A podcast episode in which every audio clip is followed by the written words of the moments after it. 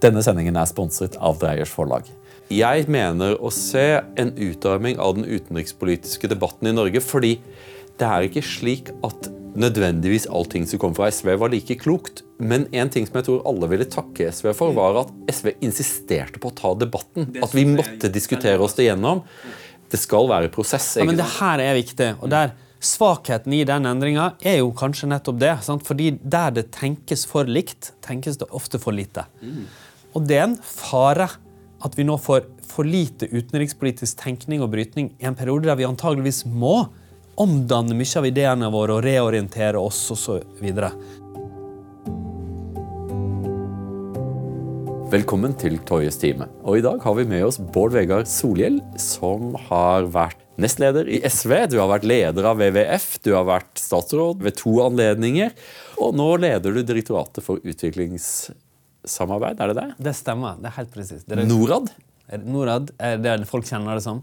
Men det offisielle navnet er jo Direktoratet for utviklingssamarbeid. Riktig. Og i dag så skal du og jeg vi skal snakke om utenrikspolitikk. For det, du har jo en bakgrunn i SV, og jeg er jo den oppfatning at SV har vært Norges utenrikspolitiske opposisjon i en mannsalder. Og jeg tenkte at vi vil starte litt med å fortelle historien om Bård Vegar. For det, eh, Da jeg kom inn på, på, Wikipedia, så oppdaget jeg noe som var svært viktig for meg. Vi er født i samme by. Hvorfor mm. fanken er du født i Kristiansand, du? ja, det, ja, altså det er sant. Eh, der bodde jeg et halvt år med eh, familien før de flytta til Karasjok. Altså foreldrene mine. Jeg er født i Kristiansand fordi faren min gikk på lærerhøyskolen der. Uh, og der ble jeg født. Han gikk i klasse med Terje Formoe, altså kaptein Sabeltann-bakmannen. Så han, uh, han passa meg uh, som lite barn. Han skrev, det er faktisk ei vuggevise som jeg senere har hørt, som han skrev til meg da. Men jeg har dermed egentlig ikke noe forhold til Kristiansand. Eh, kanskje bortsett fra at når, hver gang jeg er i Kristiansand, så påpeker jeg jo Når jeg var politiker, så ble jeg alltid påpeke det. Ja, ja. Til stor suksess. Ja, ja det, det, Man må alltid passe på å liksom understreke lokal tilhørighet. Men hvordan, hvordan, fant du veien inn i, uh, i SV? For vi ble jo begge to korrumpert i ung alder, og for våre synder endte vi jo begge to i SU.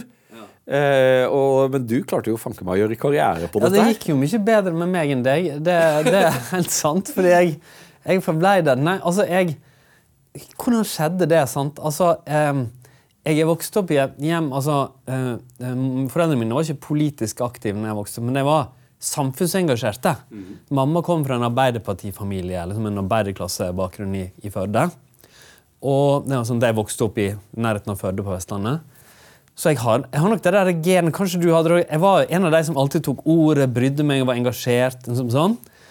Um, men at jeg ble med akkurat i, sånn, eller at jeg havna på venstresida, det var ikke tilfeldig. Det tror jeg er liksom mitt instinkt av mitt ståsted. At jeg ble med i SU, det tror jeg var en tilfeldighet. skjønner du, At det ikke ble AUF eller Natur og Ungdom eller SOS Rasisme. Liksom whatever. Men Vi må nesten forklare for ungdommene, eh, de unge som eventuelt ser på dette. Vi er nå på 1990-tallet, og da var faktisk SV et veldig kult parti for unge mennesker. Noe av grunnen var at merkevaren til SV var, var veldig sterk på, hadde stor troverdighet og appellerte veldig til unge. Altså, jeg tror det kan ha spilt inn. Sant? Jeg meldte meg inn i 1989. Mm. Det var sånn den overgangsvekstfasen der SV kom i en sånn kjempepopulær bølge. det er riktig. Mm. Men jeg tror òg altså, jeg, jeg, var jo litt uh, var jo litt forelska i ei, ei jente uh, som var med i, i SU. Så det, det skal ha vært sånn tilfeldig. Og en av kompisene mine meldte seg inn. Og, så jeg hadde også tenkt at altså, det kan ha vært sånne små tilfeldigheter. da som gjorde at, det, at jeg organisatorisk havna der. så skjønner I tillegg til at det sikkert var sant? Det var vel en del av den kulhetsbølga at det kom et lokallag plutselig. og sånne ting. Jeg snakker med noen eh, fra Arbeiderpartiet som, eh, som, har kommet veldig høyt opp. Jeg skal ikke si noen navn her. Men så sier de at ja, hvorfor jeg meldte meg inn i, i AUF. Det var der det var jenter, og det var der det var fest. Eh, og det er liksom sex som, eh, som, drivkraft i politikken undervurdert. Eh, det er ikke bare metoo. og jeg var, altså, jeg var mer sånn nerdete fyr, da, så jeg, sex og, og, og, fester og sånn var det var mindre drivkraft for meg da, enn et eller annet diffust av venner og folk. liksom. Ja, så, så, du falt for islendergensere? Ja, jeg, liksom, jeg var litt kontrær. Jeg tror jeg var det i den eh, perioden. Og det, det passa nok meg mer med noe som var litt i opposisjon. Ja, det tror jeg er riktig. Men du klarte jo fanken meg å komme deg ut av dette også. for Du var jo utdanningsminister, var det det det het da? Det heter kunnskapsminister. Kunnskapsminister var du, og så var du, hadde du en annen statsrådspost. Var det Miljøvernminister. Miljøvern, ikke Nå er klima- og miljøminister. Men så klarte du å komme deg ut av det. Liksom, eller Du går ikke og bærer en kaffekopp i nabobygget her på Stortinget. Eh, hva var det som fikk deg til å tenke at du ville lete etter andre ting å gjøre? Jeg var jo heltidspolitiker, ble vel til sammen ca. 17 år. Altså Det dominerte helt mitt voksne liv. Jeg ble det da jeg var ganske ung, sånn 28 eller noe sånt. Og så var det lenge. Og jeg elsket det. altså jeg du vet at Når du driver med noe, så er du i det på en måte Du reflekterer egentlig ikke om du liker det, for du, bare, du er så totalt i det. liksom. Sånn var det for meg. Jeg virkelig elsket å være politiker. Men sånn gradvis litt sånn, Jeg hadde vært i regjering, vi kom i opposisjon igjen. det var litt sånn, tyngre sånn. Jeg begynte å få større barn. liksom Press i forhold til hjem. Så mange ting samtidig. Og en dag i valgkampen 2015, lokalvalgkampen, jeg husker det en lørdag, jeg måtte stå opp grytidlig, for jeg skulle på sånn til Lillestrøm og Lørenskog og gud vet hvor det stod masse oppdrag. Og så husker jeg tenkte sånn Hvorfor må jeg dra til Lillestrøm nå, liksom? Kan ikke bare være sånn, Ja. Og da Det er mange som syns det er det spørsmålet. ja, ja, ja altså, Det er ikke Lillestrøm som er poenget, men liksom altså, Da tror jeg begynte jeg å eh, vi, eh, Folk har sagt til meg etterpå at jeg ikke så det på meg, så jeg tok, klarte det sikkert, men, men da tror jeg jeg begynte å liksom tenke Jeg, jeg, jeg merket at jeg, jeg var ikke lei meg. Jo, det var vel litt sånn Jeg tror det skal videre, på en eller annen måte. Så det er som Så George da- Orwell sa om at problemet med sosialisme er at det tar så mange helger. Ja, altså det ja, Politikken tar altså det, Jeg tenker det er jeg vet Mange er ikke klar over det kanskje hvor veldig helge- og kveldsdominert fortsatt det er. Jeg, eh, Det er jo der- særlig de helgene. Det sleit veldig på meg i lengden. Ja, altså Det er noe som jeg tror mange velgere ikke er klar over. For Folk er veldig klar for å kritisere eh, politikere. Jeg tror at folk ikke helt får med seg hvor mye ulønna arbeid en vanlig stortingsrepresentant gjør. da, og Spesielt når det er valg. Elsket valgkamp. Jeg likte å være politiker, likte å møte mennesker, likte å sette meg inn i vanskelige saker. Jeg jeg syns det var, syns det var Særlig det, det å problemhåndtering, da, som politikken er. Velge mellom dårlige alternativer ofte. Ta komplekse avgjørelser. Jeg, jeg likte ofte det vanskeligere. For særlig det å styre, da, som utsetter deg for store vanskeligheter, det, det må jeg si det. det det merket jeg jo at passet meg. Og det var nok noe, En, en bakenforliggende ting her var nok at en gradvis dreining i meg som person skjedde. Fra at når jeg var ung, så var jeg sånn type, jeg var sånn kontrær som jeg var sånn type som var opptatt av å si de rette tingene. Rope det ut. Nei, du tar feil. Gradvis ble jeg mer og mer Ja, du er, ja, det, si, det var derfor jeg sa du er litt sånn. Jeg ble gradvis mer og mer opptatt av at de tingene skjer. At handling utredet, at det faktisk settes ut i livet. Så det, det er en, en gradvis dreining som skjedde i løpet av den tida jeg var politiker, da, som gjør at jeg nå være embetsmann er veldig meningsfullt for meg. For du var jo med av den generasjonen som førte SV til makten. For SV hadde jo da fram, eh, fram til din tid så hadde SV vært et rent opposisjonsparti. Utenkelig å gå i regjering med, med storebror Arbeiderpartiet. Eh, og det var jo en del smertefulle kompromisser som, som, som skjedde den, i den tiden. Ikke minst på, på utenrikspolitiske felter. Jeg tenkte jeg ville snakke litt med deg, fordi det er ikke så mange mennesker her i landet som er glødende opptatt av geopolitikk. Eh, men du, du er jo en av de den perioden vi kalte etter den kalde krigen er over. Vestlig hegemoni, om det ikke rakner, så er det i alle fall mindre dominerende enn det var. Vi har fått sterke motkrefter som har, som har vekket. Hvordan leser du den situasjonen vi er i nå? Er vi på vei mot enda en gigantisk konflikt mellom demokratiene og diktaturene i verden, eller er det noen måte at vi kan unngå tredje verdenskrig? Ja, du, det skal du ha. Du er flink til å ta det fra det, liksom det kosete om bakgrunnen til det, det største spørsmålet i vår tid.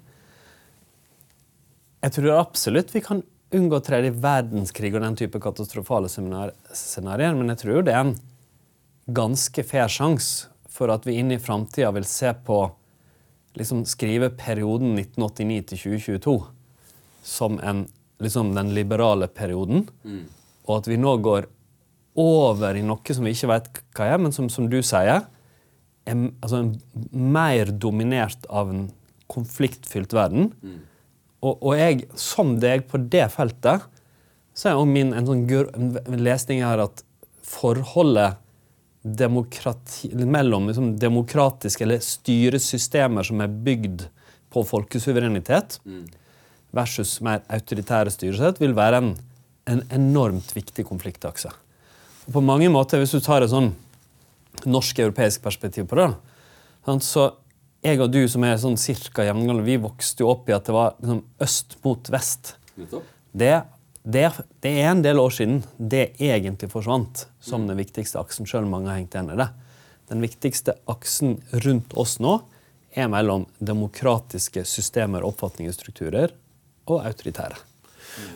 Og da er det jo, Jeg vet ikke om du har lest Odd Arne Westads bok 'The Global Cold War'. Eh, men en av de tingene som Odd Arne Westad, nå professor ved Harvard-universitetet, argumenterer og, for Og tidligere SU-er, hvis jeg ikke tar feil. Yeah. det er mange bra folk som har vært innom det partiet. Odd Arne har jo i likhet med meg beveget seg bort. Men ok. Er, eh, han argumenterer jo for at den kalde krigen, eh, foruten å være en, en stor konfrontasjon mellom to supermakter, er også en global konkurranse om stater som man ønsker å få inn i, sin, sin, inn i folden. Og ser du en lignende konkurranse? For nå som, som leder av, av, Norad, så er du jo du tettere på mange av de landene som vi kanskje ikke er så opptatt av som politiske enheter. Nødsenheter, det kan vi være, eh, være med på. Mens du må se mer av hvordan disse statene i det, i det globale sør legger sine kort. Ser du noen trender på det? Ser du Dreier eh, Afrika, Asia, Sør-Latin-Amerika mot demokratisk leir eller mot autoritær leir? For la oss være ærlige, veldig mange av disse landene er i, en, er i et brakkvann der de kan være begge deler, egentlig. Hmm. La meg resonnere litt der å ta utviklingsland som, uh, som utgangspunkt. Da, eller sånn kategorien utviklingsland, eller hovedverden, da, som jeg ofte uh, kaller det. Det er tross alt det meste av verden. Mm det er jo det er en veldig stor og grov kategori som i dag er liksom blitt enormt forskjellige ting. Mm. Sant? Og har i seg ja, det globale sør, som du ute, fra Kina og liksom Brasil til uh, de fattigste landene i verden, ofte i Sør-Afrika sør for Sahara. Mm. Men hvis vi tar de fattigere utviklingslandene, og dominert av Afrika, tar utgangspunktet der, mm. så tror jeg at det, det, mest typiske for mange av de landene er at de vil gjerne ha et godt forhold både til USA og Kina. Eh, og gjerne Russland òg. Eh, det, det har fått mye oppmerksomhet at mange afrikanske land ikke har støtta seksjonene. Men det, men det, er heller ikke mange afrikanske land som støtter Russlands okkupasjon av, eh, av, Ukraina. Ja, men nettopp, ikke sant, for de er gjerdesittere. Og spørsmålet er Tror du at det vil være mulig, slik du leser dynamikken i relasjonen mellom spesielt USA og Kina, men også eh, den fallerte stormakten Russland, Eh, vil det være mulig å bli sittende på gjerdet eh, i, i, tiden fremover? For det, de, var det ikke mulig under den kalde krigen. Nei, sant, og Tillat meg nettopp å dra et resonnement der. fordi at det som du sier at Under den kalde krigen så kjempa to land og systemer og land rundt deg om globalt hegemoni. Sant, gjennom forskjellige typer av konflikter, fra kriger til mer fredelige eh, konkurranser om politisk makt i mye av det globale sør. Så og et av midlene var bruk av bistand for eksempel, til det. Det som skjer ved den kalde krigens slutt, det er ikke det oppgjøret totalt. Men gradvis går det over en tid som f.eks. For, for bistand og for å oppnå gode resultater var veldig god. Mm.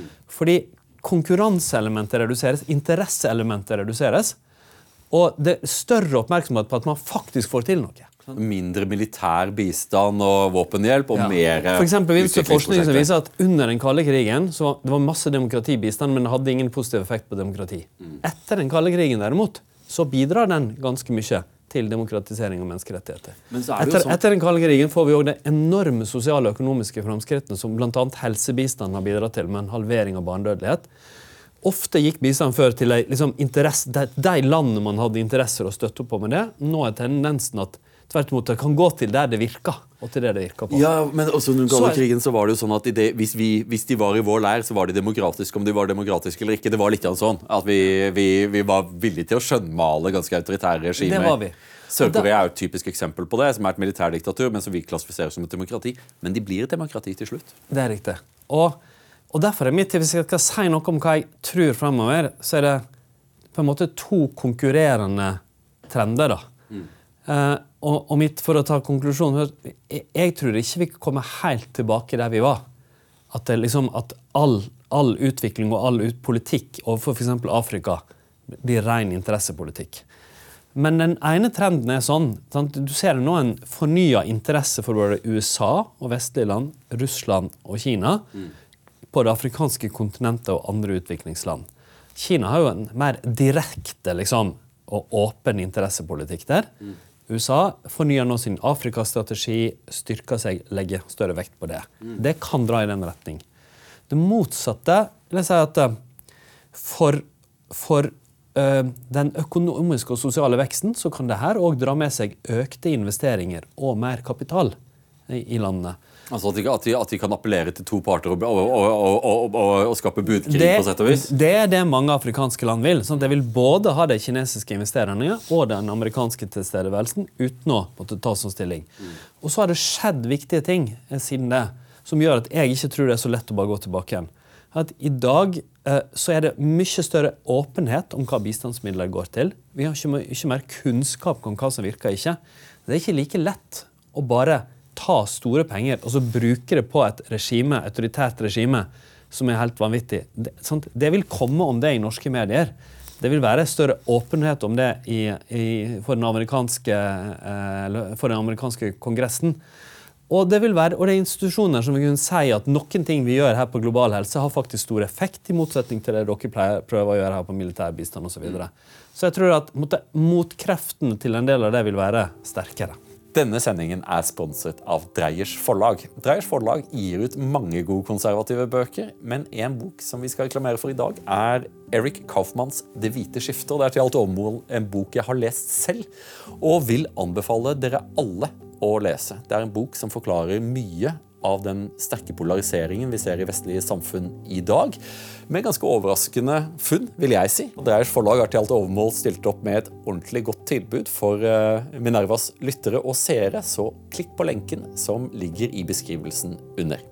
Hvis vi skal se virkeligheten i, hvitøyet, så er det slik at sant, the Economist Democracy Index uh, hvert eneste år de siste fem årene så har de sagt det har vært forferdelig for det globale demokratiet. Nok et tilbakeslag. Nå lever kun 6,4 av verdens befolkning i fullskala demokratier. Vi er så heldige at vi lever i, i den kategorien. Men eh, sånn som spillet står nå, eh, så ser det ut som at vi taper, gjør det ikke det? Ja, du er jo som vanlig optimistisk liksom, Asli, din inngangstone her. Jeg, jeg, jeg syns ikke det er så opplagt, men trenden er jeg enig i. Altså, alle de store målene, sånn Freedom House, Economist Intelligence Unit, eh, svenske VDM, mm. alle de måler på forskjellige måter at vi måte, trenden har snudd fra i snitt framgang til i snitt bakegang for mm. politiske og sivile rettigheter.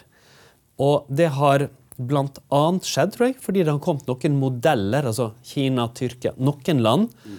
som man ser til å si oi, se det går jo bra å ha sosial og økonomisk utvikling med, eh, med autoritært styresett. Men likevel et par ting som trekker i motsatt retning. For det første forskningen. Altså, eh, det er jo omfattende forskning på forholdet mellom eh, demokrati og økonomisk utvikling.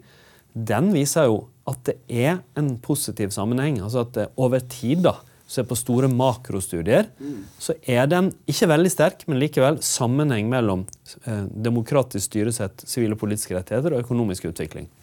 En annen ting er Kina der jeg eh, Spennende å høre hva du tenker, men jeg observerer en dreining, en større skepsis, eh, en tilbakeholdenhet på det afrikanske kontinentet for eksempel, i forhold til Kina. Mm. Og Det tror jeg har veldig konkrete grunner. Det ene er at eh, altså den kinesiske utviklingsmodellen, som kom inn med enormt med penger, var veldig fristende. Men den bygger òg på at man kommer inn med all arbeidskraften sjøl. Den gir mye mindre ringvirkninger på bakken enn det den vestlige gjør. Det andre er at sant, Mange av avtalene som var inngått på lån og så videre, jo, var jo veldig gunstige i starten. Typisk eh, lånefritak veldig billig i starten. Men så skal det betales ned etter hvert. Nå er Kina blitt en stor og, og en ganske krevende kreditor for mange afrikanske land, mm. som har gjort det mer skeptiske. I tillegg til den generelle renommédreininga i litt negativ retning som Kina har hatt de siste årene. Så og så vil jeg si at Det som har skjedd etter eh, Russlands brutale angrep på Ukraina i Vesten altså det, det, er ganske nesten overraskende og spennende. Liksom Oppslutninga om vestlige, liberale politiske verdier i de landene. Mm. Viljen til liksom å virkelig løfte seg litt for det ser, jeg se på som, ser jeg på som et sånn veldig positivt tegn. Så jeg er som vanlig litt mer, jeg er litt mer optimistisk Jeg skjønner ikke hvordan du kan si det når disse landene ikke slutter opp om sanksjonene. Vil ikke det, det, det, det, første tingen de vil- ville gjøre hvis de da skulle løftes opp i demokratiets navn, slutte opp om For dette er jo dette er, dette er, dette er ikke krevende sanksjoner for de fleste av disse landene. Dette er ikke sånn at, at ting de får fra Russland, ting de ikke kan få fra noe annet sted. Eh, og samtidig så, så velger de å sette seg på gjerdet. Altså, jeg skulle jo ønske det, men jeg vil si at jeg, jeg syns ikke det er så vanskelig å liksom, analytisk forstå deres posisjon. De, de velger det som er i deres interesse, som, ja, som man ofte gjør i utenrikspolitikk. Man velger den posisjonen som ikke I Russland er et land med betydelige interesser, kapital og annet på det afrikanske kontinentet. Kina enda mer. USA er det samme. Eh, Å ikke måtte ta stilling eller velge en posisjon som gjør at man kan forholde seg til alle, er det mest rasjonelle for mange afrikanske land og en god del eh, eh, og asiatiske land. Den, det er den jeg velger. Ja, altså, jeg tror at eh, det, det du beskriver når det gjelder kinesiske lån eh, jeg, tror, jeg tror du har helt rett i det du sier. Jeg tror at kineserne var en de var veldig ekspansive i, i lånpraksisen sin. Jeg tror ikke at de var veldig gode på due diligence. De har lånt bort mye penger de ikke kommer til å få tilbake. De har lånt bort penger på orgerkontrakter som, som, som en del stater bare ikke kan leve opp til. Det burde kineserne selv så, For det er jo alltid sånn at hvis, du, hvis jeg låner deg 1000 kroner, så, eh, så har du et problem. Hvis, eh, hvis jeg låner deg en million, så har jeg, et, så jeg, har jeg et problem. Kineserne sitter nok litt på kroken for det. Men en ting som jeg synes, synes Du reiser jo også mye i det globale sør. En ting som jeg synes er litt interessant, som kanskje en del nordmenn ikke er klar over, er det Kina kan levere, som Sovjetunionen aldri kunne levere, var varene. Nå var jeg i Venezuela for et par uker siden liksom, Enhver ny, nyere bil, enhver ny scooter er kinesisk produsert. Eh, Veldig mye av varene eh, som er i butikkene, er kinesisk produserte. Hotellene er stappfulle av kinesiske investorer. Nei, Venezuela er ikke er, en spesialkategori, la oss være ærlige. Eh, eh, Venezuela er, er liksom nærmere Nord-Korea og Iran når det gjelder sanksjoner og den type ting. Men eh, det er jo et tegn på at kineserne kan levere noen ting som Vesten sliter litt med å levere nå. Eh, vi kan gi dem penger, men det å liksom å, å bygge opp samfunn og Ford-biler og liksom alle de tingene vi gjorde på 50-tallet, det er ikke åpent for oss lenger. Hvordan tenker du på eh, Fungerer vårt syn på utvikling godt i møte med den kinesiske mer Kineserne er ikke så veldig opptatt av hva slags regime du har, eller hvordan du står til med menneskerettighetene. De er kommet for å bygge en jernbane, og stort sett så bygger de den jernbanen. Eh, og de leverer 10 000 biler, da leverer de 10 000 biler, men du skal betale for dem. ikke sant? Vi, er, vi kommer jo med mye fordringer. Hvordan ser, på, hvordan ser du på den biten? For Jeg har inntrykk av at en del land i det globale sør har gått også litt lei av eh, den vestlige pekefingeren om at du skal få penger hvis du gjør slik og slik og slik. Nei, altså, Det er jo lett å bli fascinert av Kina, den kinesiske modellen. og jeg har sett det som, altså, Hvor du reiser i verden, så har du kinesiske varer og kinesiske solcellepaneler utkonkurrerer de vestlige for de er så billige på det afrikanske kontinentet. altså Tilapia, altså fisken, som er veldig vanlig i mange eh, i Afrika sør for Sahara, kan drive oppdrett på og sånn. Kina er det landet som driver mest oppdrett, og ofte eksporterer. Så de, de har infrastrukturen og, og eh, verdikjedene og, ja, og er selvsagt en stor vareprodusent. Og de, de investerer i å bygge infrastruktur eh, kolossalt effektivt, som, som norsk og vestlig bistand i mindre grad gjør. altså Havner, jernbaneveier, den typen ting. Um, så når jeg likevel er mener, så, altså, jeg tror mange land skulle nok hatt den, sant, den der no questions asked-delen av den kinesiske modellen. Men jeg, skulle, men jeg tror de foretrekker eh, den vestlige bygge på lokalt eierskap og lokal arbeidskraft-delen av modellen. Men hva med dette? Eh, en ting som jeg ofte støter på i det globale sør, er eh, i forhold til kasus Ukraina, så er min holdning den samme holdningen som absolutt alle i Vesten har. At dette er et eklatant brudd på FN-pakten. Det er egentlig ikke noe til å diskutere. Det er ingen gråsoner her. Eh, dette her er for, hvis du er en stat i verden, så kan du ikke akseptere dette. dette, er, dette nå er vi på det aller laveste, og at Russland må sanksjoneres. Enten så må Russland konfronteres militært, og det gjør ukrainerne. Vår jobb er å konfrontere dem økonomisk. Ja, sier de, men hva med Irak? Hva med Afghanistan? Hva med Libya? Hva voldsomt så dere interessert dere ble i Vesten ble å forsvare suverenitet. Eh, og også ja, hva, eh, hvor lang tid vil det ta før dere selv invaderer et eller annet land på en eller annen sånn eh, trumped up charges? Og jeg tror at mange i Vesten og vestlige ledere ikke har tatt inn over seg hvor ødeleggende for Vestens renommé disse endeløse krigene har vært. Eh, for vi tilga oss selv veldig fort eh, de hundretusener av døde irakere, hundretusener av døde afghanere. Vi, brydde oss ikke, liksom plaget oss ikke så mye for intensjonen vår var god. ikke sant? Vi ønsket jo det gode. Og min erfaring er at ute i verden så får vi nok ikke så, eh, så gode skussmål, og at dette har bidratt kanskje til å svekke noe av støtten omkring det vestlige eh, prosjektet. Er det noe som du har støtt på? i det hele tatt? Ja, altså, Vi hører jo akkurat de samme liksom, innleggene som det altså, i sikkert du og jeg begge har hørt mange ganger. Mm. Og som en, en, sa til meg i en samtale, en, en leder OK, du snakka om Russlands krig med, mot Ukraina. Vel, la meg fortelle deg om en annen krig. 600 000 drepte i Tigray-konflikten allerede. Og mm. kanskje til og med mange av lytterne har knapt hørt om den. på en måte. Mm. Så det er, at... Dette er jo Abiy Ahmeds Etiopias borgerkrig mot Tigray-provinsen, som er en av de mest blodige krigene i moderne tid, eh, og som vi nesten ikke har sett på TV i det hele tatt. Ja, riktig, sant? Og det, og det, er jo mange konflikter som er mer blodige enn krigen mot Ukraina. Ikke fordi, altså Krigen mot Ukraina er superviktig med å forholde oss til alt det, men, men oppfatningen til mange andre er jo at eh, vestlige land unnviker eller vi, sant? vi reagerer mot den, mm. men ikke de andre konfliktene der det kunne trengt støtte. Så vil jeg si sånn at I bistand og, og utviklingspolitikk overfor landet så er sånn, vi er inne på her et dilemma som det har bygd inn i seg. Hensynet til oss sjøl og altså, Bistand betales i, i, av norske skattebetalere via det norske Stortinget, via Utenriksdepartementet og da ofte via Norad og andre partnere. Eh, på den andre sida så, så er jo ideen Vi ønsker å drive en bistand på en måte som har effekt og eies av det landet som skal utvikle seg. Og som ikke er en serie av at vi kommer her og forteller hvordan ting skal gjøres. Både fordi det er, altså det er liksom gammelmodig og del av en liksom type arv med liksom at vi, vi, her kommer vi kolonialistiske og skal innføre noe. Men kanskje minst like viktig at det har ikke effekt. da. Sånn Du kan ikke påføre land, økonomisk utvikling og demokrati. Okay, nå, høres, kan... høres jo ikke det noe særlig demokratisk noe, noe, noe særlig liberal ut i det hele tatt, for det er jo det som har vært ja, men, ja, men for, nå, nå, setter du fingeren på, på, på kjernen i dette. ikke sant? Jeg kaller det et dilemma. Sånn, fordi eh, land som utvikler seg og får til noe, må eie sin egen utvikling, ta sine egne valg, drive det framover sjøl. Men det går an å lære av andre å, å få bistand. Det er det, sant? det er mange eksempler på fra Korea, som du nevnte til andre. Men, men, samtidig så er det jo legitimt. altså Når, når Norge beslutter å gi penger til noe eller gjøre noe, så har de som beslutter det i Stortinget, en legitim rett til å si at vi mener likestilling er en viktig del av det. Men det er jo nettopp det du sier at vi ikke skal gjøre. Ja, jeg sier nei. Jeg sier at det er et dilemma. det er ikke et dilemma, det er, jo, det er, et dilemma. Det er en selvmotsigelse. Ja, Det kan du. Så det er to ulike hensyn, da, vil jeg kalt det. Ja, ja. det. Det er ikke umulig å kombinere, men det kan stå i motstrid til hverandre.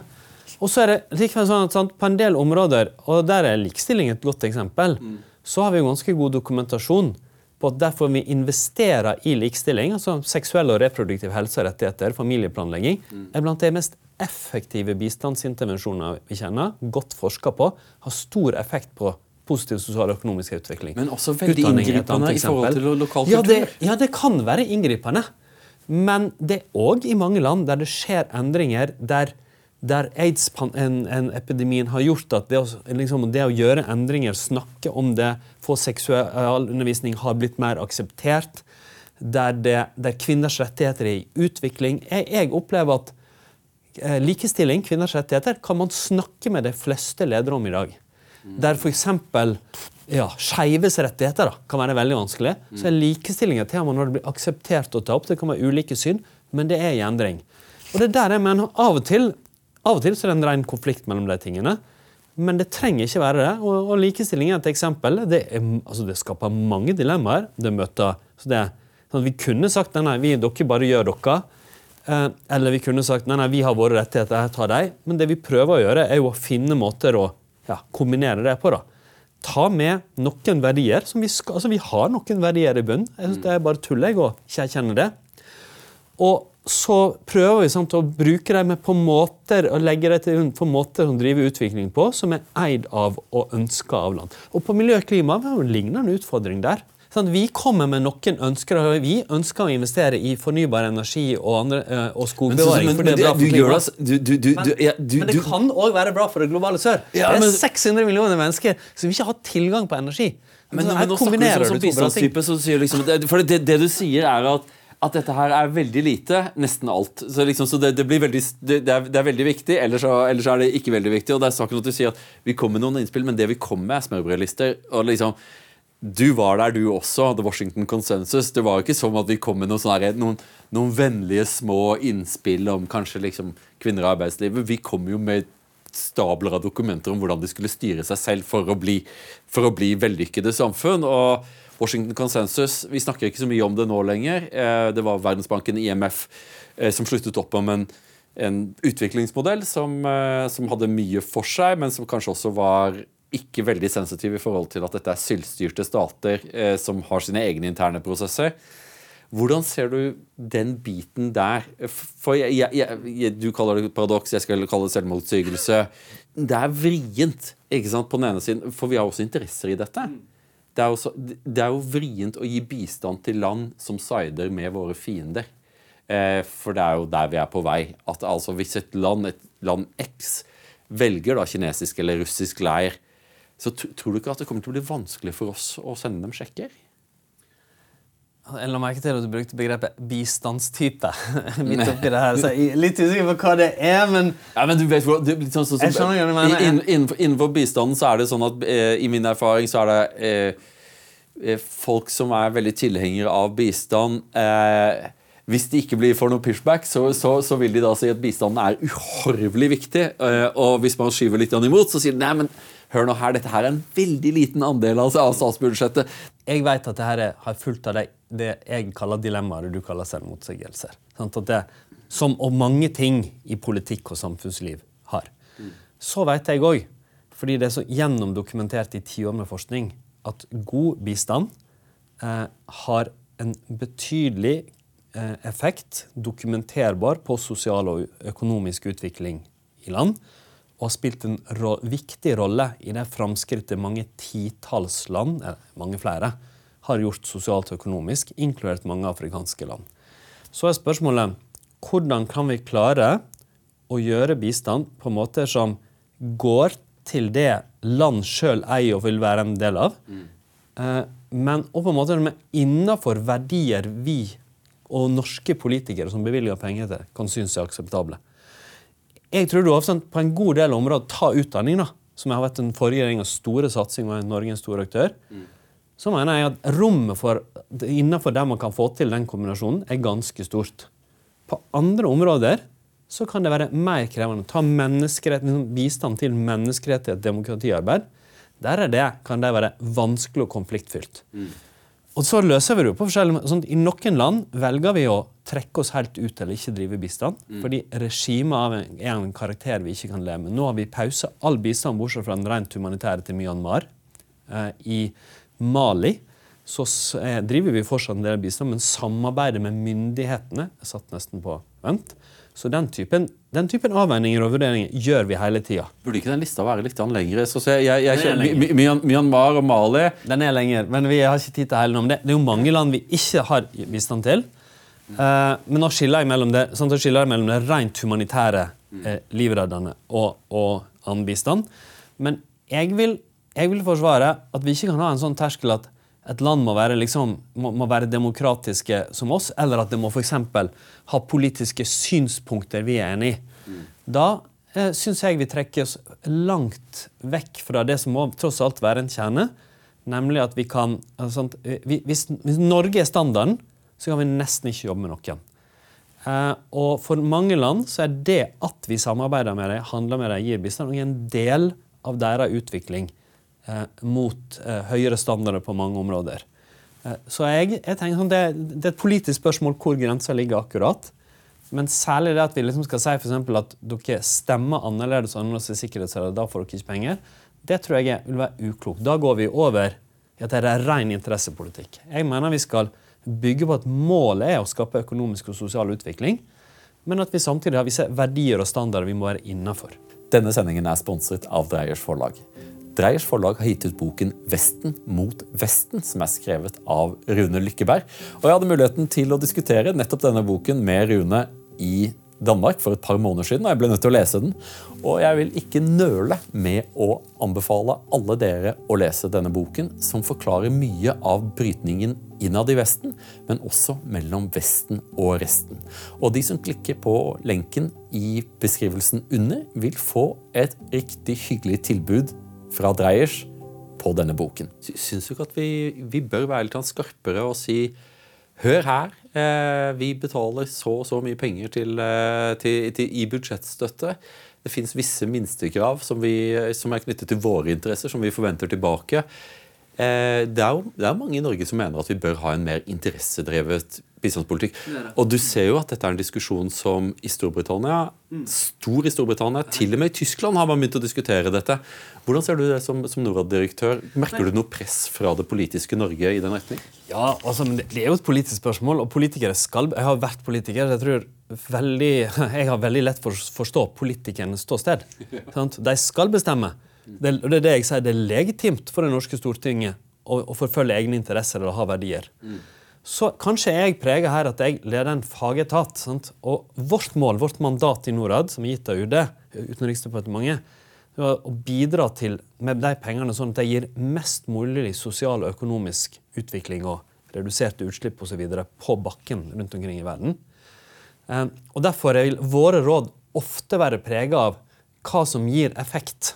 Og jeg er veldig opptatt av sånn, Bistand er det, det, er ganske lite penger internasjonalt. Det er sånn 180 milliarder amerikanske dollar. Det, sånn, det er et norsk statsbudsjett, liksom. En globale totale bistand. Bare så For, for kontekst så koster Ukraina-krigen 200 milliarder i halvåret. Det, eh, så det er, er, ikke et halvt år med krig i Ukraina. Det er bitte små penger, men pengene er veldig fleksible. Og så er det gode fordi det går til mange av de som har veldig lite, av det fattigste.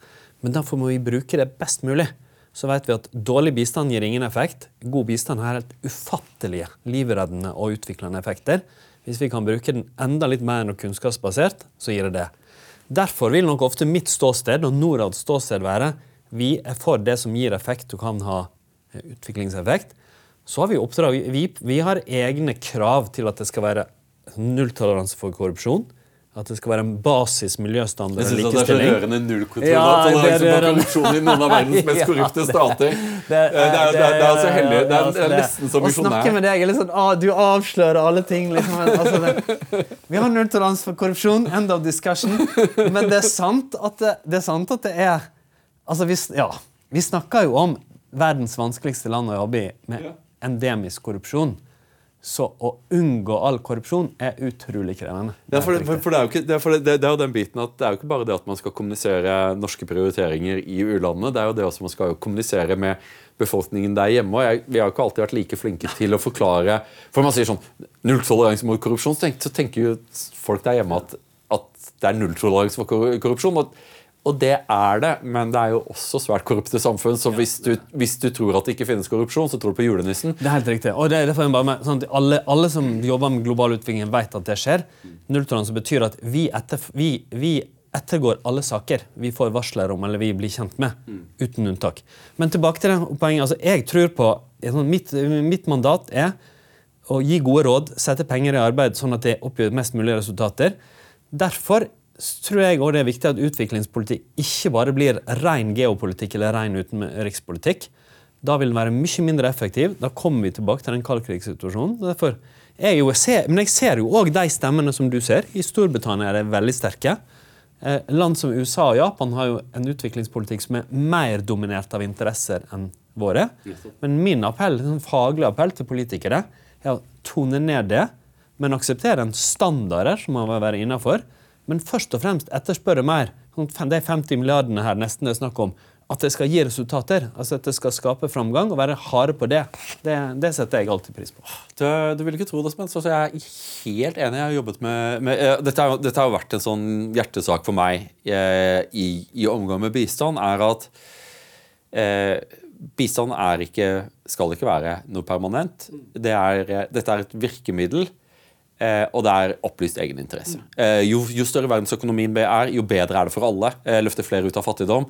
Eh, så man må få i gang utviklingen. Og jo mindre politiske eh, fotnoter som settes, jo lettere er det å få til. Sånn som, Vi er begge to fan av Esther Duflo og, og, og denne eh, double blind peer review-mekanismen, der man tar også tester bistandsprosjekter opp imot kontrollgrupper som ikke har mottatt, for å se effekt. Det er, dette er hvordan man gjør det på en vitenskapelig måte.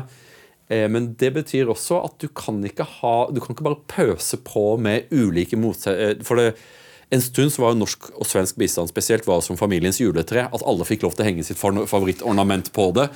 Og når det ble da presentert til de stakkarene i, i Man kan jo forstå at, man, at de, de, ble overveldet, for her var det krav i alle retninger. liksom. Eh, jeg er veldig enig med deg. Og jeg tror at det, Eksempelet Sør-Korea er det vi skal klamre oss til. At demokrati tar tid. Eh, utvikling tar tid. Eh, og eh, hvis vi bare gir Men kan jeg stoppe ja. deg der, for det, nettopp det du sa altså Det er jo veldig interessant å høre på deg. Og sånn nettopp det eksempelet Sør-Korea En ting jeg har blitt så opptatt av, jeg, som jeg egentlig ikke visste før, det finnes over 30 lignende eksempler. Det er rundt 35 land som har mottatt bistand, vært fattige land. Og så har de blitt så rike og velstående at de ikke lenger kan motta bistand fra vestlige land. Tatt ut av den lista som gir det mulighet. Og, og, jeg trodde lenge at det, nei, det var for, men det, men det, sant, så det er mange land som har utvikla seg ut av det. Mm. I tillegg til det så er det nesten 30 land som har gått fra å være såkalte lavinntektsland, altså blant de aller fattigste land i verden, til å være mellominntektsland. Som har kommet opp på et annet sosialt og økonomisk nivå, har en større middelklasse og sånne ting. Botswana, Rwanda slik sant? Masse sånne land. Ja. Altså, til og med Tanzania gikk fra så vidt over den lavinntektsterskelen. Det største bistandsofferet av alle. Riktig. Landet som har fått mest norsk bistand i sum over tid. Ja. har gjort det. Og den reisen, sant, den økonomiske utviklingen fra de hadde 1000 dollar per capita i snitt, mm. til 2000, som er grensa, den gjorde de på sju år. Norge på 1800-tallet brukte nærmere 40 år på den samme. Så jeg, så det litt sånn jeg er òg opptatt av det der, at den bildet folk har av bistand, det bare givet til noen land som alltid får bli fattige. Nei, det har vært i stor endring. Altså, Hellas og Portugal kunne motta bistand til begynnelsen av 90-tallet. Nå er det europeiske, ganske avanserte velstående land. Ikke som Norge, men likevel. Men, men, men innser du hva du sier? For det du sier Det håper jeg. det, det vet jeg også. Men det du sier, er at uh, altså vi må bli mer kinesiske. Altså at vi eh, skal ikke være så ivrig på å gripe inn i indre anliggende som det vi har vært. For jeg, jeg tror at dessverre jeg, Ingenting ville glede meg mer enn at, at alle land i verden var liberale demokratier. Ingenting ville meg større glede. Men verden er slik som den er. Og hva vet vi om utviklingstrender? Intervensjonisme, og det er noe som sånn, jeg tenker mye på nå om dagen, er at jeg tror at vi i Vesten eh, Selvfølgelig så er vi alltid opptatt av å tildele renhetstester til andre stater, men kanskje vi burde ha en, ha en intern diskusjon også om erfaringene vi gjorde oss da vi skulle fremme demokrati på spissen av en bajonett. Erfaringene vi gjorde oss med Washington-konsensus der vi møtte opp i, i Afrika med bilass av, av, kriterier som skulle møtes, og som oversteg den administrative kapasiteten til disse landene. Det er jo ting som man ofte undervurderer. at eh, Jo mer krav Det er byråkrater som må gjøre dette. Har de disse byråkratene. ikke sant?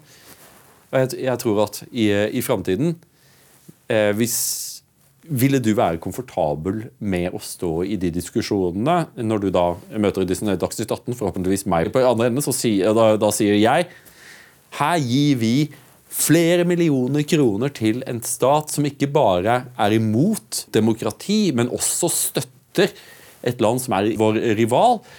La kineserne betale for sine klienter. Dette er ikke, dette er ikke vår jobb. Hva sier du da? Altså, jeg mener, at det skal stå igjen for den samtalen her at jeg vil bli mer kinesisk. Eh, men jeg tror du kjenner mitt engasjement for, for ytringsfrihet og menneskerettigheter. Men jeg har fått veldig mange nominasjoner til Nobels fredspris fra deg. ja, det har du. Men, men det, det, som kan stå igjen, det er at jeg, jeg er opptatt av Jeg vet at bistand har enorme resultater, og jeg er opptatt av at vi skal bygge på kunnskap, skape sosial og økonomisk utvikling.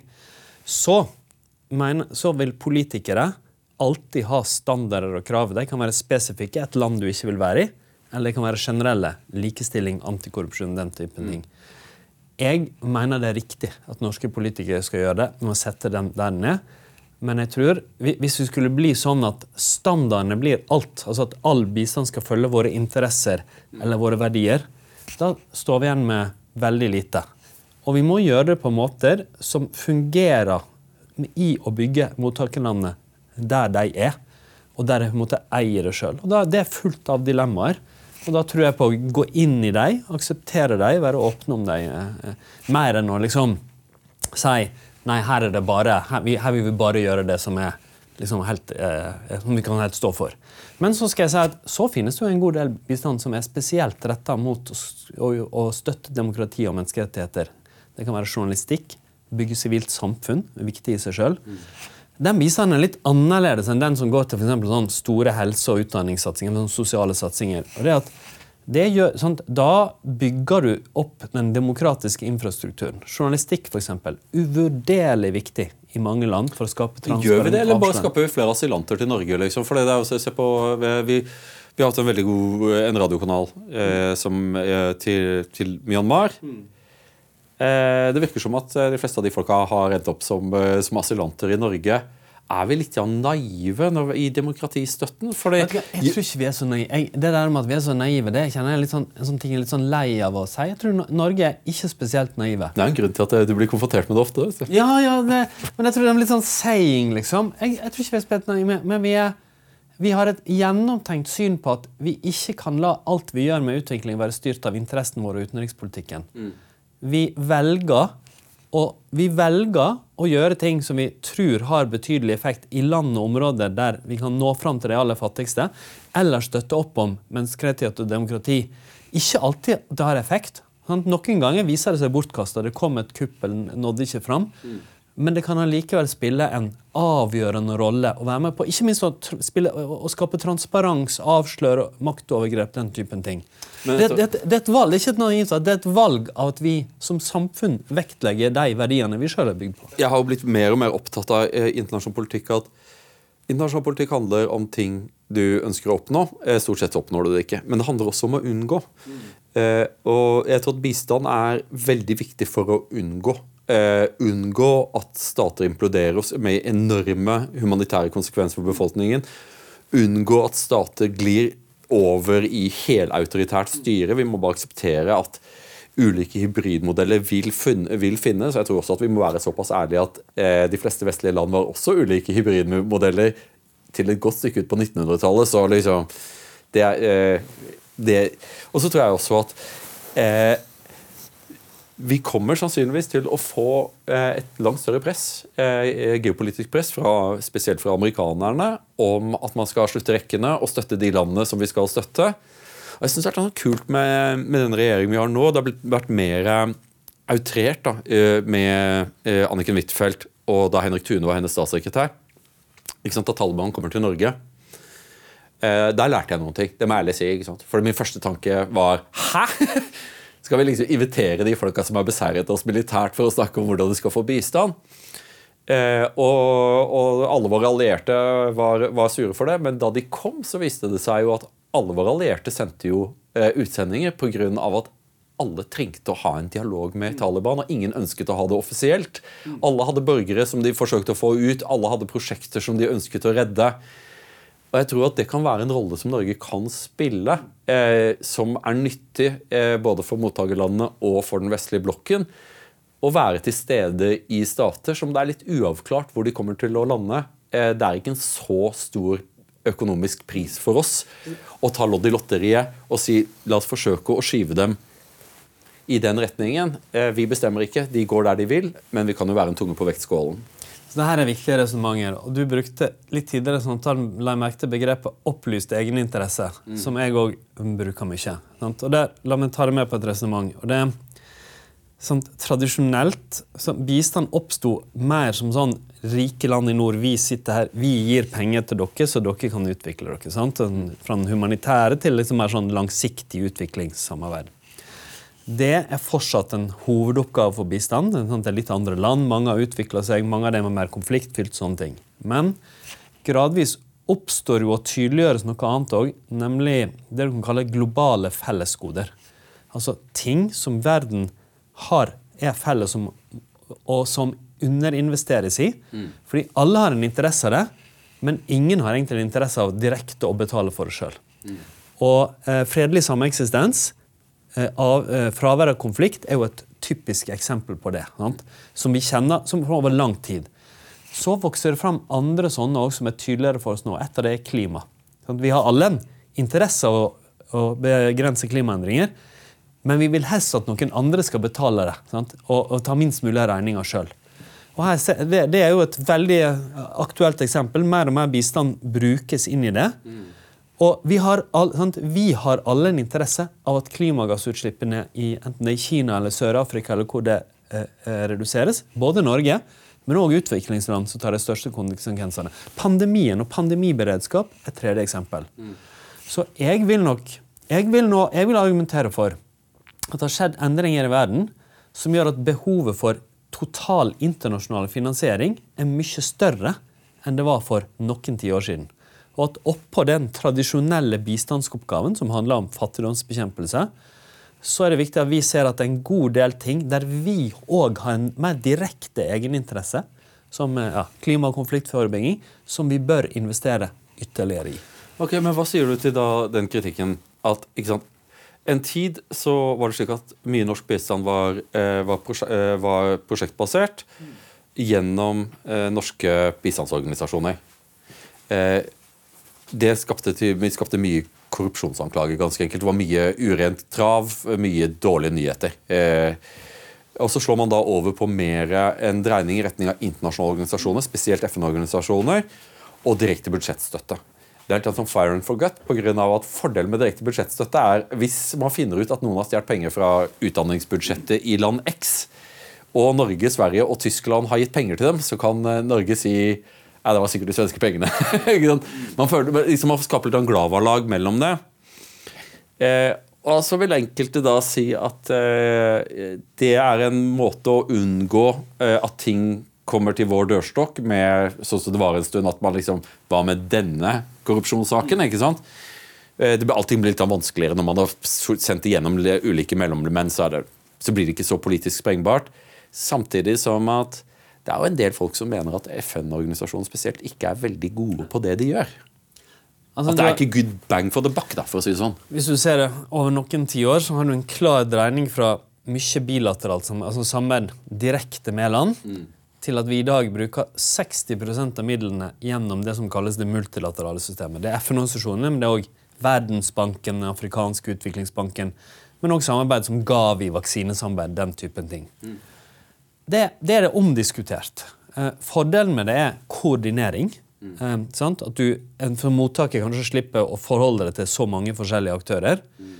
Det er òg at vi gjennom det støtter det internasjonale systemet, f.eks. FN, i seg sjøl. Mm. Og det er at administrasjonskostnadene for å gjøre det i Norge er noe mindre. Det, det, er billigere for Norad å samarbeide med FN enn å samarbeide direkte med Mali, Malawi, Rwanda osv. Har du sett hva slags overhead FN-organisasjonen Der og nettopp, og der kommer et av motargumentene. Yeah. Vi vet, det, det, det, er noe, det er de som mener at summen av administrative kostnader før det lander på bakken, blir mye større gjennom å gå flere aktører. Yeah. Gå gjennom flere aktører. Og vi, vi, har for lite kunnskap om det. Og det er de som også er usikre på sånn er de gode nok. Er, burde ikke vi heller bruke mer penger direkte på de som kan implementere på bakken, kjenner situasjonen og skal bygge kapasitet der. Så det er en sånn iboende debatt. Og hvis jeg kan plukke opp det med budsjettstøtte Nå er vi vel dypt inne i nå er vi dypt inne i det. Men budsjettstøtte er interessant, fordi det, det, det, det, bygde man opp. Det eh, er, har vi nesten slutta med. Jeg, jeg, jeg, har ikke sjekka før, men jeg tror faktisk ikke Norge driver med det. I hvert fall veldig lite. Eh, og det, det er til tross for at forskningen sier at det var veldig effektivt det var veldig eh, eh, det hadde, ja, Mottakerlandene likte det godt. Og mange i det norske liksom, som jobba med bistand, mener at det hadde betydelig effekt. Men det ble for omstridt. Korrupsjonsrisiko, eh, enkeltsaker som vokste. Så, så, nesten alle vestlige land slutta. Ja, men vi skal også ha det, noe Grunnen til det var at vi valgte jo en veldig risikabel strategi. Nå må folk bare tilgi, for nå snakker, vi, nå, nei, nå, nå snakker vi bistand på ordentlig her. Vi valgte en høyrisikostrategi der vi gikk inn i stater som veldig mange andre skydde, sånn som Somalia. Eh, sikkert gode grunner til det. Humanitære behovene var åpenbare. Eh, og så kommer det en del dårlige nyheter, for dette, dette er høyrisiko. Eh, spesielt når det gjelder korrupsjon eh, og resultater vanskelig å måle alle de greiene der. Og så svir, vi- eh, oss, samtidig som at jeg er jo litt enig med deg. at eh, La oss si at, eh, at vi, du og jeg ikke er en bistandsgiver, men at vi er en mottaker. Som, hvis vi var representanter for et mottakerland, så ville vi sannsynligvis foretrekke å få budsjettstøtte. Altså Norge setter 300 millioner kroner inn på kontoen til utdanningsbudsjettet. Jeg er eh, utdanningsminister og kan prioritere de pengene slik en minister skal, uten og å være bundet. som, og akkurat som vi vet at politikere eh, i Tromsø nok vet bedre om behovene der, og derfor har betydelig lokalt selvstyre på utdanning, så kan man argumentere for at politikere i Malawi vet mer om, om prioriteringene der. Du har ikke Men vært det- i kommunestyremøte i Tromsø, du? Nei, jo, det, ja, ja, men jeg har møtt mange politikere i Tromsø. Jeg, ja, nok om det. Poenget er at her er et eksempel på det dilemmaet mellom våre krav og behov og liksom, hva vi kan akseptere, og norske politikere kan akseptere, og mottakerlandet, som bistand ikke vil komme seg ut av. Men der vi, sånn, sånn faglig ståsted, vil jeg være opptatt av å gjøre ting som i hvert fall har eierskap og kan fungere hos mottaker. Uten det så bør vi jo ikke drive med bistand. Og så får vi heller da sette standarder som vi òg kan akseptere. Toyes time er en Minerva-podkast. Og Minerva har et tilbud til deg som ser på denne sendingen på YouTube. 699 kroner for digital og 1099 kroner for de som vil ha papirutgaven. Og vi håper at mange vil benytte seg av dette tilbudet. Klikk på lenken under. På vei ut av budsjettstøttetiden så kommer det da et, et stort initiativ i Norad der vi tenker at vi skal liksom fordele verden litt. Så liksom at Norge skal være led, ha led- i enkelte land, Sverige skal ha det i andre. Eh, Det er jo spesielt med Sverige og Danmark som vi, som vi tradisjonelt har arbeidet sammen men åpenbart vi arbeider med tyskerne, britene, nederlenderne, alle sammen. ikke sant? Og så så vi at det ble nok kanskje litt mye at så mange organisasjoner og aktører var involvert i land med veldig begrenset administrativ kapasitet. Vi, ut, vi, vi utarmet dem ganske enkelt. Hva skjedde med det prosjektet? For, eh, for meg så ser det ut som at det stoppet litt sånn på, halvvei, eh, på halvveien. Vi skulle liksom redusere antall mottakerland og sånne ting. Hvorfor lyktes vi ikke helt med det? Eller lyktes vi? Altså det, det, var, eh, det kaltes konsentrasjonspolitikk. Sant? Og det var liksom tre, Man skulle konsentrere antallet temaer, antallet land, og, men òg antallet liksom, enkeltavtaler og samarbeidsaktører. Ja. Og grovt sett når vi ser på resultatene, dette ble evaluert for et par år siden, så ser vi at antallet avtaler og aktører det har gått betydelig ned. Det har vi lykkes ganske godt. Antallet land har gått litt ned, men ikke veldig mye. Antallet temaer har ikke gått ned i det hele tatt. Så, så, liksom, så kan man diskutere hvor viktig er det å redusere antall land. Da vil jeg si at hvis du ser på de store pengene, altså sånn 80-90 så går de til noen titalls land. Så for de store pengene er vi ganske konsentrert. Men så har vi en hale av en del land der vi bare er litt til stede. Mm. Vi gjør jo bare det vi får beskjed om. Noen vil nok argumentere Noen vil argumentere med hos oss mener at vi, ja, det hadde vært mye å spare administrativt lurt. Sant? Vi, har, vi kan ikke ha kompetanse på så mange land. Andre vil si at ja, kanskje utenrikspolitikere blant annet, da, at det kan være bra å ha litt tilstedeværelse og bruke noe penger i mange flere land hvis vi bruker det godt. Jeg er ikke så Nå ble jeg en diplomatisk Ja, byråkrat. men det, er- det er veldig, det er veldig Ja. diplomatisk, men det liksom, du, du vet det ender jo opp med at en stakkars statssekretær i UD får beskjed om at nå har vi ikke, har vi ikke vært på statsbesøk i et land du ikke har lyst til å dra til på 15 år. Ta på deg pa- pakk snippesken og dra liksom og se på uh. De er ikke veldig fornøyd med det. Men derfor jeg tenker jo at eh, jeg, Og jeg tror at du og jeg er litt enig i en litt kontroversiell tanke om eh, der nøden er størst. Eh, der er ofte det politiske miljøet eh, mest uoversiktlig. Også land som er kanskje mest uavklart i forhold til hvilken blokk, hvis vi kan snakke om det, de, hvor de kommer til å lande. Eh, det er de landene jeg mener vi bør være aktive i. Fordi at vi er en ganske moden bistandsaktør, så vi må ha tiltro på at vi klarer dette her bedre enn andre. Og så tror jeg at det er de landene som kommer til å ende opp i mest i skvis i, en, eh, i, i den verden vi ser konturene av. At eh, de landene der ingen vil være til stede, er de landene som kanskje trenger det mest. Ja, altså jeg, jeg, jeg tror jeg er enig i andre deler men ikke så mye i første. Altså, sånn, Dagens liksom, hovedlinje som vår utviklingsminister nå har, som jeg mener har mye i seg, det er jo å være til stede der fattigdommen er størst og behovene er størst, og der det er færrest andre penger, privatkapital osv. som kommer. Sånn, ofte betyr det Afrika sør for Sahara. Ikke bare det, men ofte. Um, og jeg mener det har som en sånn hovedretningslinje mye fornuft i seg. Vi Vi, eh, Foreløpige tall tyder på at vi økte vår andel til det litt i fjor. Og, og det resonnerer veldig med det siste du sa. Mm. Bistandspenger er, kan gå til steder og områder og temaer som der det er vanskelig å, å, skape, og, og skape, framgang på andre måter. Mm. Så er nok jeg mer usikker. Sånn, jeg vil nok argumentere veldig sånn litt sånn faglig at istedenfor å tenke det visse typer land som kan havne på vippen politisk, eller liksom gå dit eller litt, så bør vi være litt sånn harde og si hvilke mål vil vi oppnå. Vil vi oppnå å kutte klimagassutslipp, vel, da bør vi investere i de landene der det stor overgang fra kull til fornybar kan oppnås. Vil vi oppnå klimatilpasning og hjelpe land med de store konsekvensene, bør vi investere i de landene. Skal vi elektrifisere, da bør vi investere i at 600 millioner mennesker i Afrika sør for ikke har strøm, og går dit jeg, er nok en blanding av et syn men Det er sånn, vi som fagetat òg. Jeg vil at ressurser skal brukes der de har størst effekt. Og så, og så vet jeg at det fins eh, politiske hensyn og, og, interesser i det òg. Tror jeg forstår en del av det òg. Mm. Men, men, jeg tror det er viktig at det ikke er bare det da, som er driven, og at den ikke er for tung. Det er et diplomatisk svar, men det, det er jo Men det er ganske det, godt svar. Ja, ja, men det er der vi kommer til å ende opp. Jeg tror, det er, tror at det er der vi kommer til å ende opp. Det, altså det er en, i hvert fall en ting ved, sånn, her Over tid har det vært en linje i norsk utviklingspolitikk. Når du gjør sånne rangeringer, og den og sånn, så er en av grunnene til at den scorer godt, er at vi ikke har altfor mange sånne tunge interesser som overstyrer det. Sånn, noen er det for alle land, men i, men i begrensa grad for Norges del i forhold til f.eks. For ja, Storbritannia eller Japan eller USA som land vi har vært innom. Hvordan skal du klare å få, få hatt voksenopplæring på Stortinget, sånn at de kan redusere antall prioriteringer? For det, det kommer jo fra Stortinget. Nå var det jo fristende å si sånn, det er et politisk spørsmål. Men altså, jeg, sånn, jeg, har jo ikke noe med å opplære noe som helst. Men jeg, jeg tror altså jeg tror jeg kan si sånn faglig at det, altså Norge er et lite land. Sånn, Norad er ganske lite med 270 ansatte ca. Um, sant?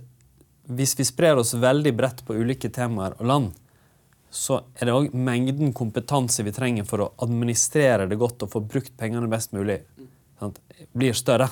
Det er vanskeligere når man sprer seg veldig. bredt. Det synes jeg er, sånn, det er et saklig resonnement som jeg syns sjøl henger sammen. Og så har, tror jeg tendensen har vært i mange år bistandsbudsjettet har vokst veldig sant, under den regjeringa jeg har satt i, og etter det.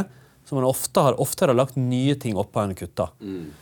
Eh, så jeg, jeg syns jeg ser nå tendenser til større interesse for reelle prioriteringer.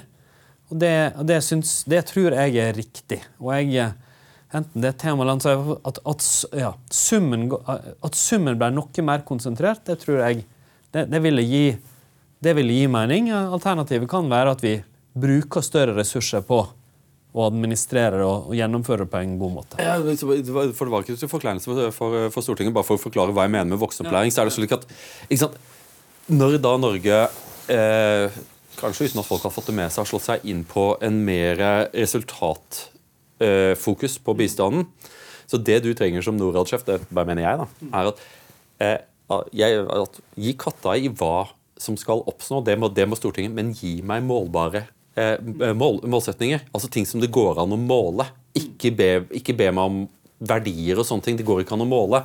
Den modellen vi er på nå, der, der, der, der, skal vi forsøke å gi penger der det gir resultater, og vi skal gjøre det på en, på en, på en veldig gjennomsiktig måte. Og hele greia det fuckes opp når man begynner å, å, be om ting som er umulig å måle, eller er ekstremt subjektive. Hmm. Altså, jeg, her er jo jeg ganske enig med deg. Sant? Jeg, jeg syns jo god politisk styring ja, harde krav og tydelige mål. Gjerne tøffere krav til at vi skal oppnå mer med de pengene osv. Men å betydelig grad legge kunnskap til grunn for hvilke virkemidler og hvor, hvordan du bruker penger for å oppnå de målene. Og så har jeg vært og, Men så skal jeg si at jeg, jeg forsvarer meg litt med at de siste årene jeg var politiker, så følte jeg at jeg mer og mer tenkte sånn som politiker. Mm.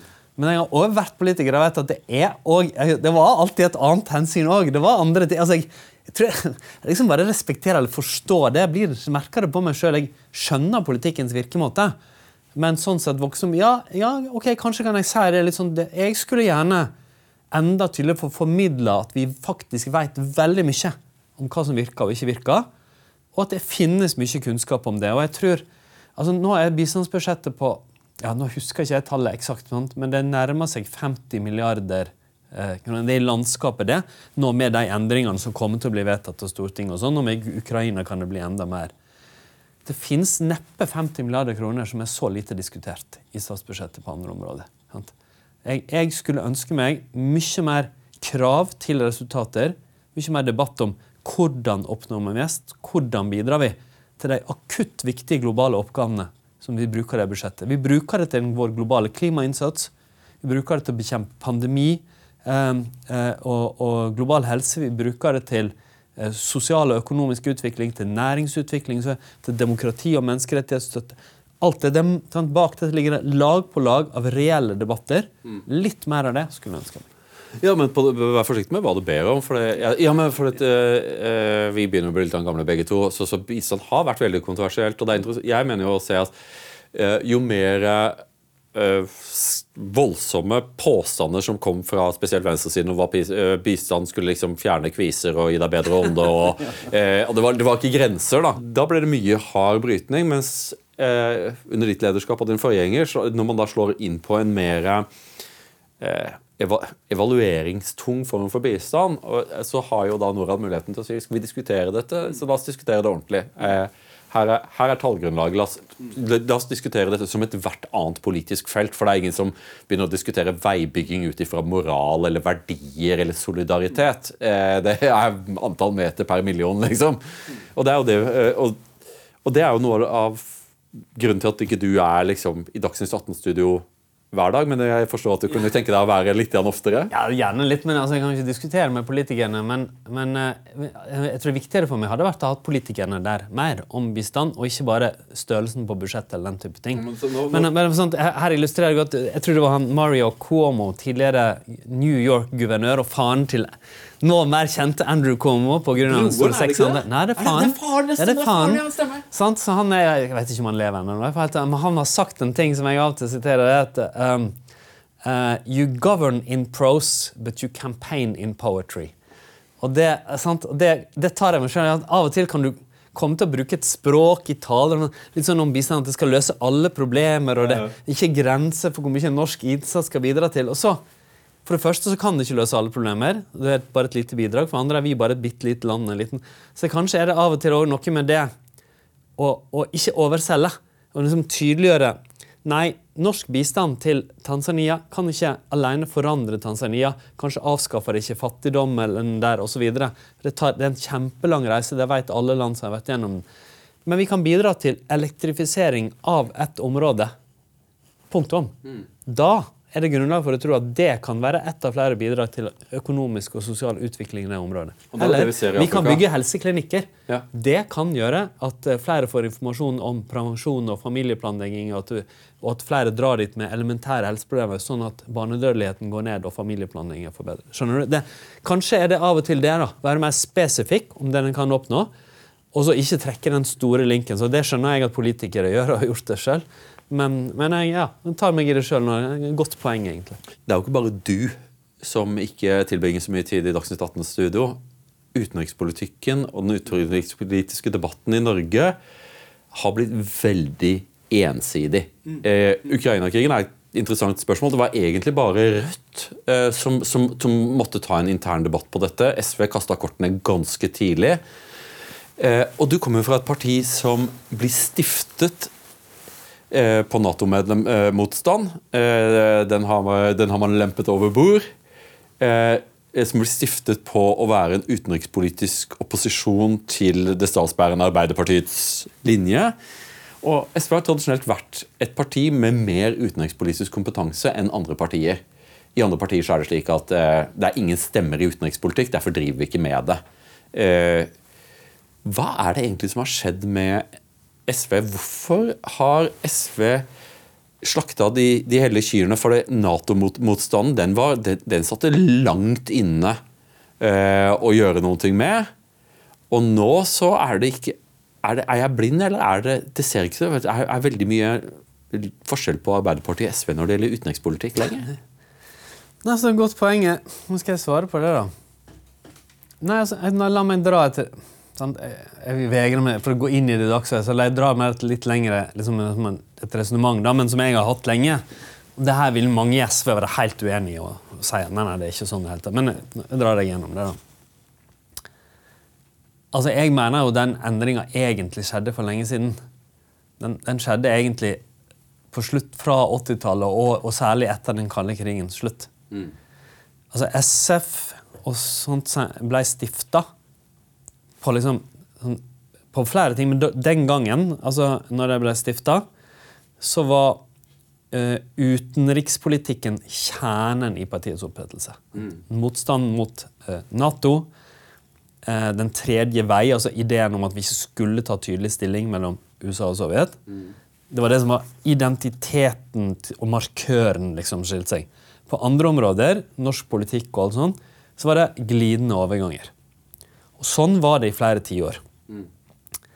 Jeg jeg var jo ikke med på 80-tallet, men jeg inntrykket mitt gjennom lesning og samtaler er at det allerede har begynt å gli over, men særlig etter den kalde krigens slutt, så mener jeg at virkeligheten var at det allerede gradvis endra seg da.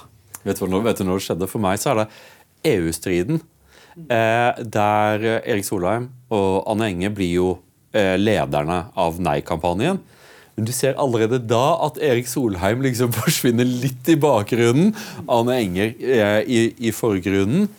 Eh, og etter det så virker det som at liksom noe av liksom ilden har forsvunnet fra magen til, ja. til SV-erne. Ja, men bare sånn, for Det er jo ikke sånn at jeg totalt totalt men det er bare at det, skjer, det, det, det, som skjer, det blir ikke sånn at det SV sto for, det Arbeiderpartiet sto for, har en brannmur mellom seg. skjønner du? Det, det, det, sant, det blir gradvis greier å være liksom, liksom litt mer åpne for litt av SV, skepsis mot atomvåpen osv. Uh, out of area.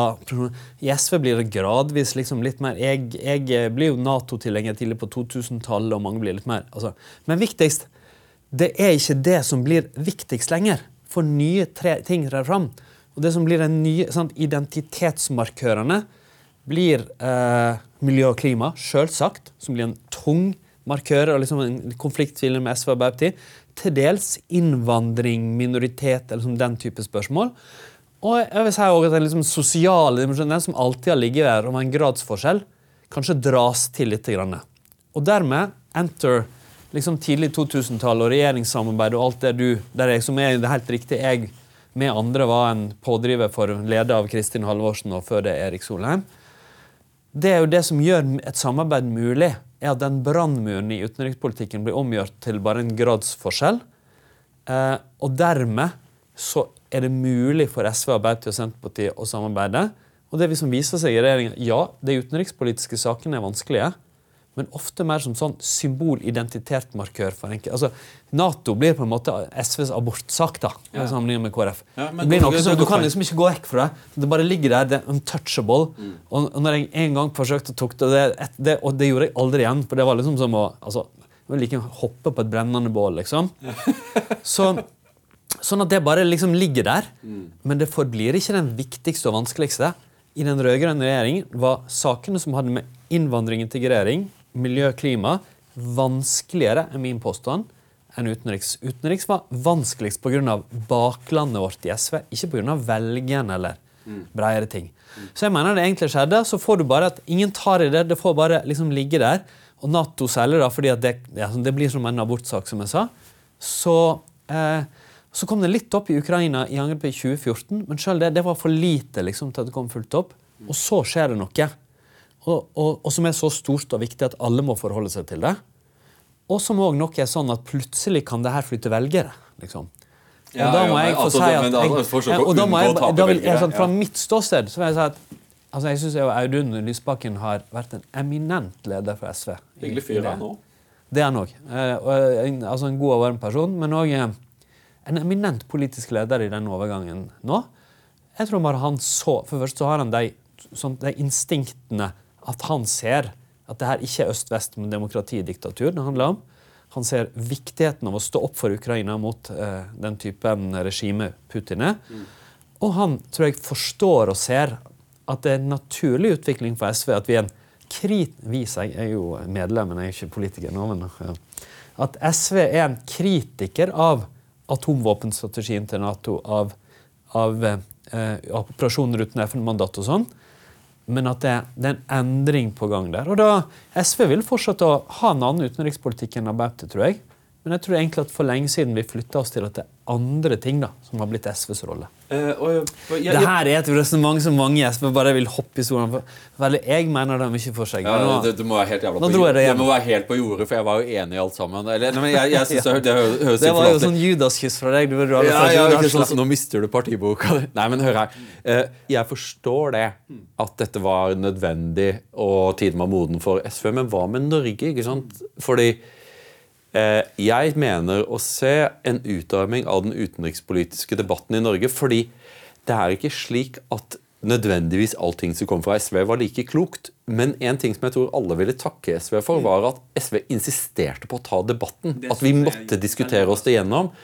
Nå er vi i en sånn situasjon der eh, berømmelig med SV i regjering så går vi til krig med å bombe Libya etter utveksling av tekstmeldinger. Not good enough. Eh, vi er ikke i samme leir politisk, men jeg tror at vi er enige om det er ikke godt, godt nok. Det skal være prosess. ja, men det her er viktig. og der Svakheten i den endringa er jo kanskje nettopp det. Sant? Fordi der det tenkes for likt, tenkes det oftest, ofte for lite. Mm.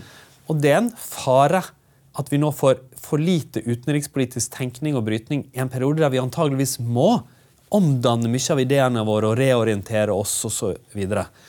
så det jeg håper for SVs del og, andre partier til høyre og venstre som, er, som tenker annerledes, liksom, er jo at sant, det at SV Na, i Nato-spørsmål ikke vil ha det som det er køen, at det overføres til engasjement og tenkning og opposisjon på andre områder der det trengs. På andre, andre Akkurat men, som vi... ba Basepolitikken har falt, det var, det var en hjertesak for SV. Atom, atomforbudet øh, har, har, har, blitt redusert til 'don't ask, don't tell'. Ja, men, eh, nei, det, altså, For SVs del så ser jeg at de driver de sakene enda. Eh, så er det mindre interesse for det nå, men det tror, jeg, det tror ikke jeg er helt riktig. Men jeg tror kanskje at at utenrikspolitikken òg må flytte. Sant? Det er ikke sikkert at den Noen av de tingene henger jo litt igjen fra den kalde krigen, mm. så det er aktuelt ennå, men det er ikke det dominerende. Kanskje er det jo nettopp f.eks. Hvor mye skal hvor mye skal egeninteresse versus måte, solidaritet eller, eller eh, eh, utvikling da, være dominant i vår, i vår, tenkning nå? I den nye situasjonen? Kanskje det er en viktigere debatt? der hva, hva, er beste veien til målet også? Ja. Av, av, og til så kan det være Kina, det, det, et slag i hodet er ikke alltid beste argument. Fullt av ting å ta mm. tak i for den som har lyst til å være utenrikspolitiker i opposisjonen i Norge. Og det, det, er ikke meg, men jeg håper at noen tar den jobben mer. For jeg er helt enig i ditt resonnement. Altså, fordelen med en sånn tydelig opposisjon var at, eh, det, det, er en styrke for debatten samla sett. Ja, og så var det jo det at Eh, SV bygget opp kompetanse på utenrikspolitikk. og Det var, eh, det var, det var en samfunnstjeneste. Jeg trengte ikke å være enig, men at eh, når SV-politikerne kom, så hadde de lest seg opp på det. De, kunne, de, visste hva de snakket om. Og tvang da makthaverne til å, å svare for seg. Mens nå liksom, skal ikke jeg Umin kan si omtrent hva hun vil. For det, journalistene er ikke, det er lite kompetanse blant norske journalister altså, også. Jeg, jeg har observert det samme, og til og med om det er lov å si liksom på Stortinget. Jeg satt selv i to perioder i utenrikskomiteen, og jeg har nok en følelse av at statusen til den komiteen eh, gradvis har gått litt ned sammenligna med som enkelte andre komiteer på Stortinget. Skremmer vettet av meg. Uh, og det, og det, sånn, det, er kanskje noe med at utenrikspolitikken ikke har den der dominerende har hatt den dominerende posisjonen som livsviktig. Men kanskje kan det igjen være i endring med krigen i Ukraina? Det at, det at, nasjonale interesser og sikkerhet har kommet nærmere på oss? Kanskje kan utenriks- og forsvarskomiteen, som det nå heter, bli viktigere igjen som politisk arena? Ja, da... Du hører, Jeg leter etter, alltid etter det optimistiske. Du, du, du har det mens, mens dystopiske jeg, mens jeg, jeg, føler jo at jeg er jo den som liksom må, må, påpeke vanskelig med dette. Og det som, det som har skjedd, er at Eh, en gang i tiden så var det å sitte i, i, i utenriks- og forsvarskomiteen ville gjøre at du kom i kontakt med ganske mye gradert informasjon. Du, ble, du ble brifet om ting som ikke du kunne lese i Dagbladet. Det endret seg over tid til det punktet under Jonas Gahr Støre at du kunne lese utenriksministerens eh, tale i, som kronikk dagen etterpå. ikke sant? Eh, og nå eh, UD hemmelighetsstempler nesten alt. Eh, det, det, å få informasjon ut av UD er nesten umulig, og det gjør det fordi de kan. Eh, og jeg sier ikke at det, Folk må ikke tro at det er noen konspirasjoner som foregår her. Eh, det er bare slik at byråkratiet ofte syns at ting går greiere hvis man ikke har altfor mye støy. Eh, Men her er det av og til det er spørsmål som vi trenger å ha litt støy rundt. Ikke fordi at uh, det, det, er godt mot ondt, men fordi at vi bør vite hva vi bestiller på menyen her. Hva er konsekvensene?